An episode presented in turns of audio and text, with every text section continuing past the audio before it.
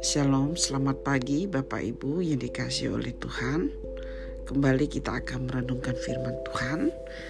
Dan sebelum kita merenungkan firman Tuhan yang terambil dari kisah para rasul pasal 22, mari kita berdoa. Bapak terima kasih untuk hari ini. Sekali lagi kami menyerahkan hidup kami ke dalam tanganmu Tuhan. Kami membuka hati kami kepada firman-Mu Firman-Mu menjadi penuntun bagi kami, memberi kekuatan kepada kami. Dan Tuhan kiranya pimpin kami di dalam perenungan firman Tuhan ini. Sehingga kami pun menjadi pelaku firman-Mu. Terima kasih dalam nama Yesus kami berdoa. Amin. Ya Bapak Ibu yang dikasih oleh Tuhan. Kisah para Rasul pasal 22 menceritakan uh, siapa Paulus.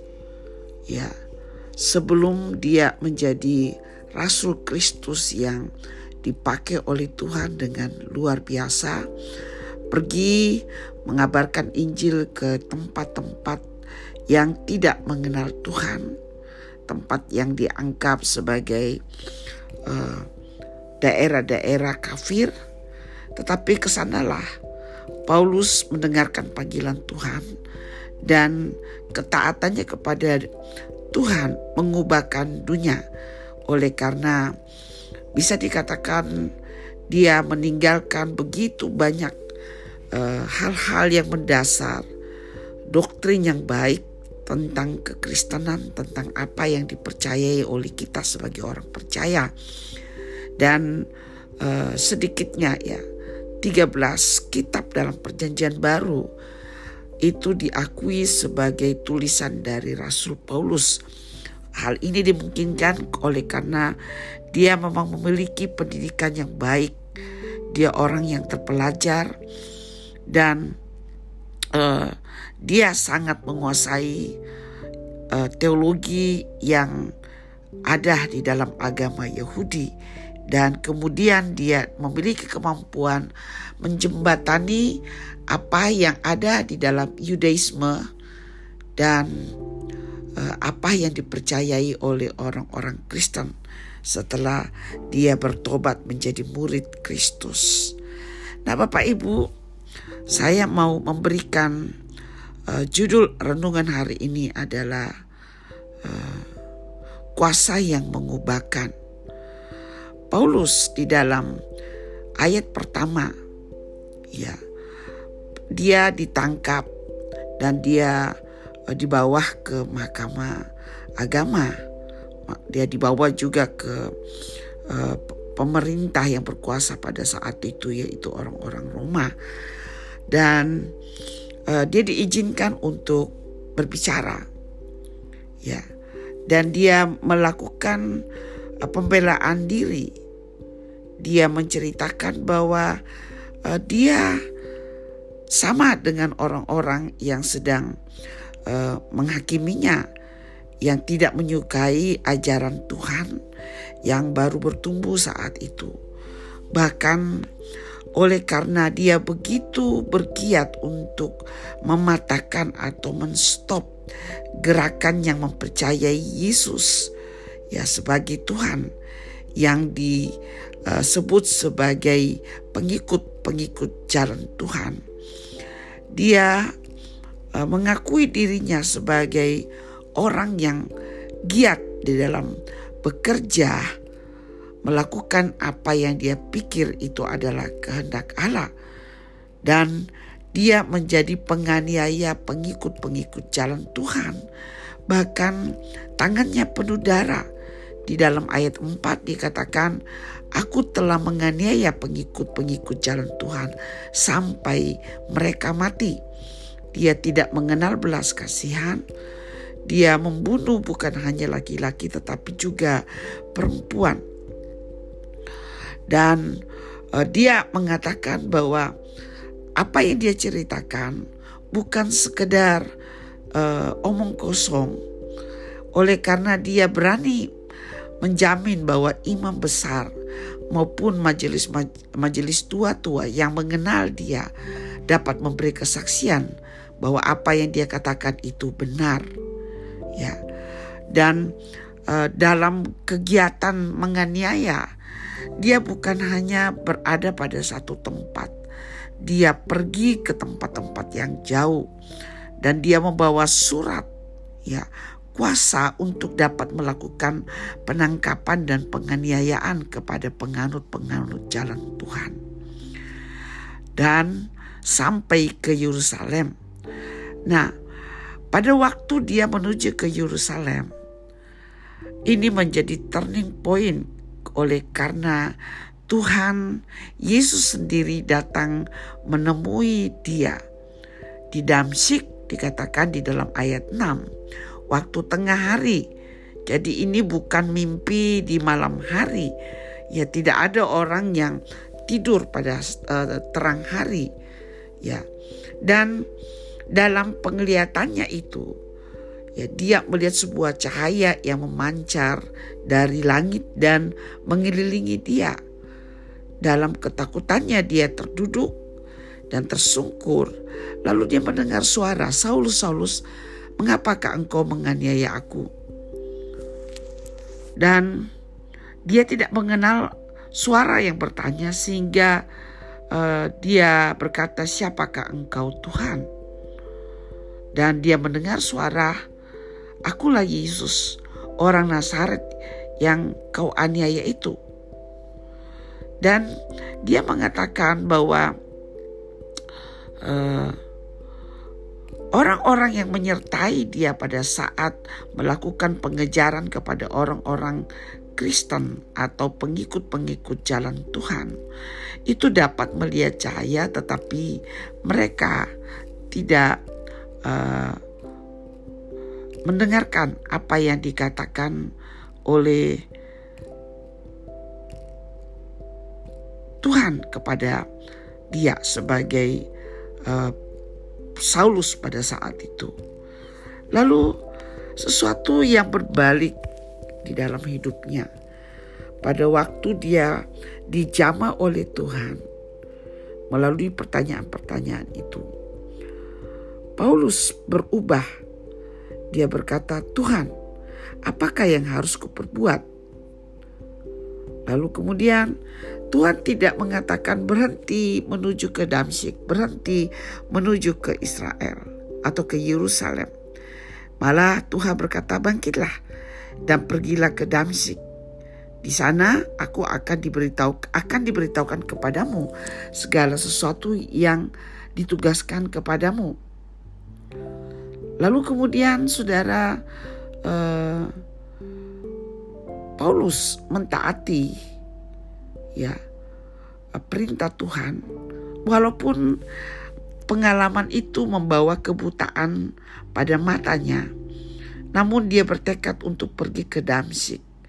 Dan dalam tuntunan Tuhan dan dalam juga penentuan Tuhan Paulus bertemu dengan seorang seorang yang bernama Ananias yang diberi penjelasan di dalam ayat 12 sebagai orang yang saleh dan yang menuruti hukum Tuhan. Ya. Seorang yang sangat baik di antara semua orang Yahudi. Dan sebenarnya orang-orang pada saat itu masih sangat takut dengan Saulus karena mengingat betapa bengisnya dia, betapa bersemangatnya dia untuk menganiaya orang-orang Kristen. Tentu Ananias sebagai pribadi pasti merasakan ketakutan seperti itu. Namun karena Ananias mendengarkan perintah Tuhan untuk datang mendekat kepada Saulus, dia uh, menjelaskan, dia men, uh, menyampaikan apa yang Tuhan mau dia uh, Paulus atau Saulus lakukan.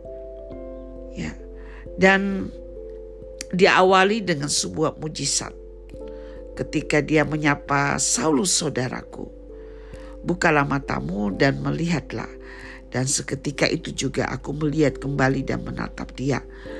Eh, pelajaran pertama eh, Bapak Ibu Saudara-saudara mengenai kisah dari perubahan yang luar biasa dari seorang Saulus menjadi Paulus adalah karena ada orang yang menunjukkan kasih Kristus kepada dia. Perhatikan bahwa Paulus Saulus telah membunuh sekian banyak orang-orang Kristen. Tetapi ketika Ananias diperintahkan untuk mendekat kepada dia, dia menyapa Saulus sebagai saudaraku. Bahkan dia membawa kesembuhan kepada kebutaan yang dialami oleh Saulus. Lalu dia berkata di dalam ayat 14, Allah nenek moyang kita telah menetapkan engkau untuk mengetahui kehendaknya, untuk melihat yang benar, dan untuk mendengar suara yang keluar dari mulutnya. Sebab engkau harus menjadi saksinya terhadap semua orang tentang apa yang kau lihat dan yang kau dengar. Dan kemudian uh, apa yang disampaikan oleh Ananias ini sungguh-sungguh mengubahkan Saulus.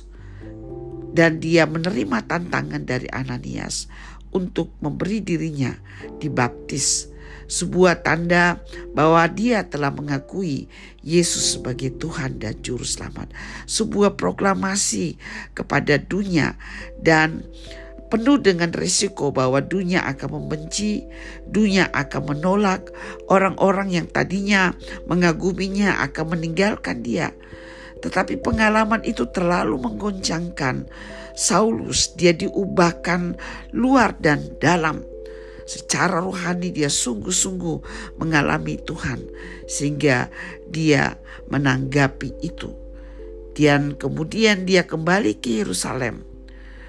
Dan pada waktu dia di Yerusalem, dikatakan bahwa dia sedang berdoa di bait Allah, lalu dia dipenuhi oleh kuasa ilahi. Rohnya dipenuhi oleh kuasa Roh Kudus. Ya. Lalu kemudian dia mendengarkan sebuah suara untuk segera meninggalkan Yerusalem. Lalu jawabnya di ayat ke-19. Tuhanku, mereka tahu bahwa akulah yang pergi dari rumah ibadat yang satu ke rumah ibadat yang lain dan yang memasukkan mereka yang percaya kepadamu ke dalam penjara dan menyesah mereka. Dan bahkan uh, Paulus mengakui bahwa uh, dia ada andil dalam kematian sang martir Stefanus di dalam uh, peristiwa yang dulu ya di mana Stefanus harus mati oleh karena kesaksiannya. Dan kemudian uh, Paulus mengatakan uh, dia akan mentaati Tuhan oleh karena janji Tuhan, pergilah sebab aku mengutus engkau jauh dari sini kepada bangsa-bangsa lain. Bapak, ibu, saudara-saudara yang dikasih oleh Tuhan, renungan pagi ini tentu tidak cukup untuk membahas tentang pengalaman uh, Rasul Paulus. Ya, tetapi ada satu kebenaran yang luar biasa bahwa seburuk apa pun kadang-kadang mungkin kita menyerah dengan diri kita sendiri mustahil bagi kita untuk berubah dan sebagainya. Tetapi kita akan melihat pengalaman Paulus memberi pengharapan jika Allah ada di antara kita yang sedang bergumul, dapatkah saya berubah? Dapatkah saya total meninggalkan dosa-dosa saya? Itu dijawab dapat dan sangat mungkin. Oleh karena apa? Kalau dengan kekuatan kita sendiri tentu kita tidak dapat melakukannya. Tetapi kuasa Tuhan dapat melakukannya kuasa Tuhan yang datang kepada kita melalui firman-Nya, melalui peristiwa-peristiwa di dalam diri kita. Itu yang dapat mengubahkan kita. Dan uh, pelajaran yang lain, jikalau kita adalah orang-orang yang percaya kepada Tuhan, jangan anggap remeh kepada kuasa yang mengubahkan melalui kesaksian kita melalui persahabatan yang kita tunjukkan kepada orang-orang yang bahkan membenci Kristus, membenci Tuhan Yesus. Kalau kita melakukan dengan setia, kita uh, bukan uh, menentukan waktunya, kita tidak bisa menentukan waktunya, tetapi sangat banyak kesaksian orang berbalik kepada Tuhan karena kesaksian dari orang-orang yang percaya kepada Tuhan menunjukkan hidup mereka sebagai orang yang telah diubahkan. Itu sebabnya mari kita berdoa agar Tuhan memberi kuasa kepada kita untuk berubah. Lalu kita menjadi saksi dan kesaksian kita juga mengubahkan orang lain. Mari menjadi saksi di dalam perkataan, di dalam tindakan, dan di dalam pikiran kita. Tuhan memberkati. Mari kita berdoa. Bapak, terima kasih untuk firman-Mu yang sungguh memberi kekuatan kepada kami bahwa tidak ada kata terlambat di dalam Engkau. Selagi hati kami terbuka kepada Engkau, kepada panggilan kasih karuniamu, Engkau dapat melakukan hal yang luar biasa di dalam hidup kami. Sejahat apa pun kami Tuhan, seburuk apa pun, setidak ada pengharapan apa pun, Engkau bisa memutarkannya itu ketika kami terbuka kepada Engkau. Kami menanggapi kasih karuniamu. Dan Tuhan kami berdoa, jikalau kami adalah orang-orang yang telah dimenangkan, telah diubah, izinkan kami memiliki keberanian seperti Ananias yang menunjukkan hal yang berbeda. Orang takut, tetapi dia berani dan bahkan dia berani menyebut musuhnya sebagai saudaranya. Hidupnya membawa pendamaian, hidupnya membawa damai sejahtera. Tuhan tolong kami untuk menjadi saksimu ya Tuhan. Terima kasih. Biarlah kuasamu yang mengubahkan sungguh-sungguh akan terjadi dalam hidup kami. Dalam nama Yesus kami berdoa dan mengucap syukur. Selamat pagi, Tuhan memberkati. Selamat beraktivitas.